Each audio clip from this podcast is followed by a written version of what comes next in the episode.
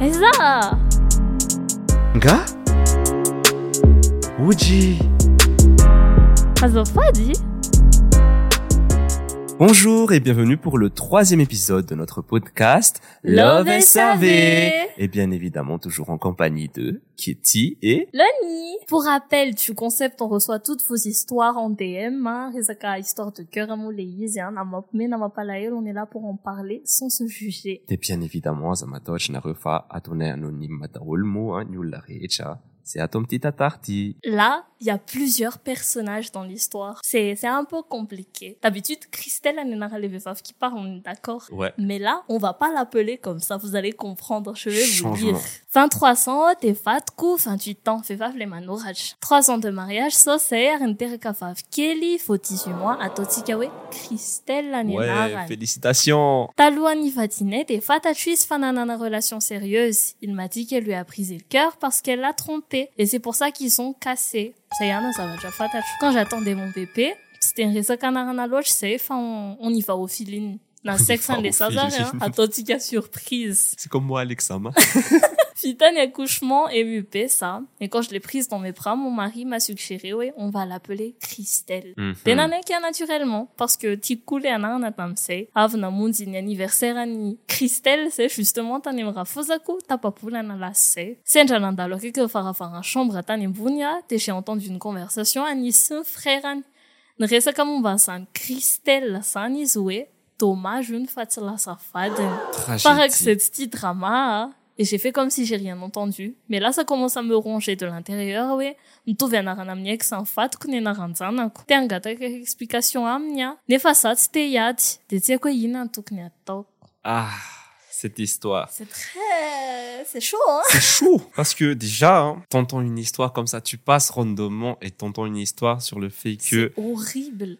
taxé, enfin, mais c'est qui qui a dit ça en fait C'est Je le sais frère pas. ou Enfin, c'est pas précisé. Enfin, en tout cas, elle a entendu une conversation entre l- son mari et son et le frère frère de son mari. Hein. c'est c'est horrible déjà ça doit être va déjà vouloir horrible. ça va déjà vouloir Mandalore tu sais non comme ça mais il repense toujours à elle à chaque fois qu'il appelle ma fille il pense à elle Mais franchement, hein, le Il a pas prénom. tourné la attends, attends, page. attends, moi je suis pas d'accord. hein. il a déjà, pas enterré le passé déjà, tu vois, sur le fait que le prénom ça se discute pour un enfant. Je suis- je suis mais là ils désolé. se sont mis d'accord sur le fait qu'on tu y peux va pas au en feeling vouloir au mec, mais c'est ton choix. Tu, tu as accepté le, tu as, tu as apprécié le Christelle. les Christelle Lamotisini Nafakato on attend qu'elle ait 18 ans et qu'elle-même elle, aille- elle est au tribunal pour dire écoutez c'est le prénom de l'ex de mon père je veux pas forcément appeler comme ça ça c'est autre chose Ouais. Après, hein, Enfin, c'est- ça on peut reste supposer qu'il horrible. n'a pas enterré aussi le passé, tu vois, genre son passé avec son ex et tout. Peut-être que c'est passé dans sa tête et il s'est dit, ouais, vas-y, euh, je vais appeler Christelle. Peut-être- Rien n'excuse ça. Ch- J'ose imaginer, au fait, ce qui passe dans la tête de la mère à ce moment-là. Genre, il pense à elle, il a pas enterré le passé. À chaque fois qu'il appelle ma fille, il pense à son ex. Ouais, mais la le pauvre, premier, tu prénom, vois, elle est dans le un premier prénom que tu vas donner à la personne que tu aimes le plus au monde, ton enfant, c'est le prénom de ton ex. Ouais, mais T'es tu vois, la genre, ex Mitsufi. je comprends en fait parce que après, elle est dans un dilemme où est-ce qu'elle va dire ou pas, tu vois, elle va parler à son mari, peut-être que ça va créer autre chose et elle va se séparer ou un truc compliqué, tu vois. Je peux comprendre Westy Drama. Oui. Je peux comprendre Westy Yad. Mais moi, je En plus, suis la toujours petite, pour le fait. Genre, euh, la petite, elle a quelques mois, je Oui. dirais. Euh, 18 elle, mois, elle oui. veut 18 mois. les parents, tu vois, ensemble, tu vois. Oui, là on parle pas de, de séparation directement, Oui. ça c'est une issue, faut en parler. Enfin moi je suis pas du tout d'accord avec le fait, ouais Mangin, Ouais, mais faut toujours dire les choses, cache les c'est aînés. compliqué, tu vois, genre. C'est compliqué mais c'est toujours mieux de dire la vérité que de mangasias rereriam sisneri. Vraiment, à un moment donné, tu mets un faux cafon à moulayis. Faut toujours dire la vérité et je t'ai pas dit, va agresser ton mari, même s'il mérite une agression. Si c'était Euh, moi, il mérite ça une résout agression. pas les problèmes, la violence, ça, ça va dire. Mais ça fait du bien. Mm. Façon. Attention, femme violente. il faut aussi très violente, mais il faut faut affronter les choses. On a des conversations tout le temps, tu te poses avec lui à un moment opportun d'aimer ça que na re, écoute. Ouais. Parce que c'est J'ai pas, pas bien de voulu hein, souhaiter un garder pour espionner soi, un tu vois. quoi, façon rien que les, hein. t'es manahir na pensé quoi faut qu'on en parle et après vous voyez euh, je sais pas si je suis à l'aise je, je peux pas je Parce peux que pas vous gardez prédire. non pour soi-même, Galésien. Et t'as ah non, là, ça, oui, ça va te peser sur toi-même. De Et fou. genre, ça va peut-être nuire à ta santé ou un truc comme ça. Et, et ça peut même se transmettre au bébé, tu vois. Oui, c'est un des problèmes, allez. Tu me t'es famille ce problème. Parce que, toi, t'es là, t'es eux, non, t'es pas problème, eux, non, t'es mal à elle, eux, non, t'es, là, ça que Sidnam les fans, non, eux, non.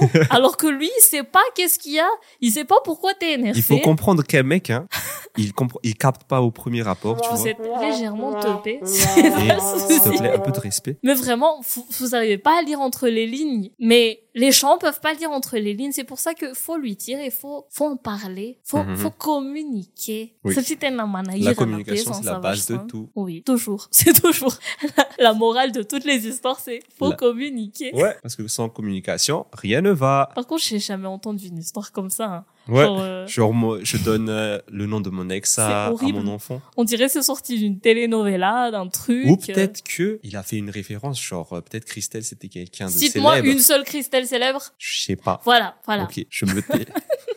Bref, pour pense qu'on conclure a tout fait le ça, tour, hein, hein, c'est en fait. que faut parler, madame. Faut parler. Hein. Faut pas garder pour soi.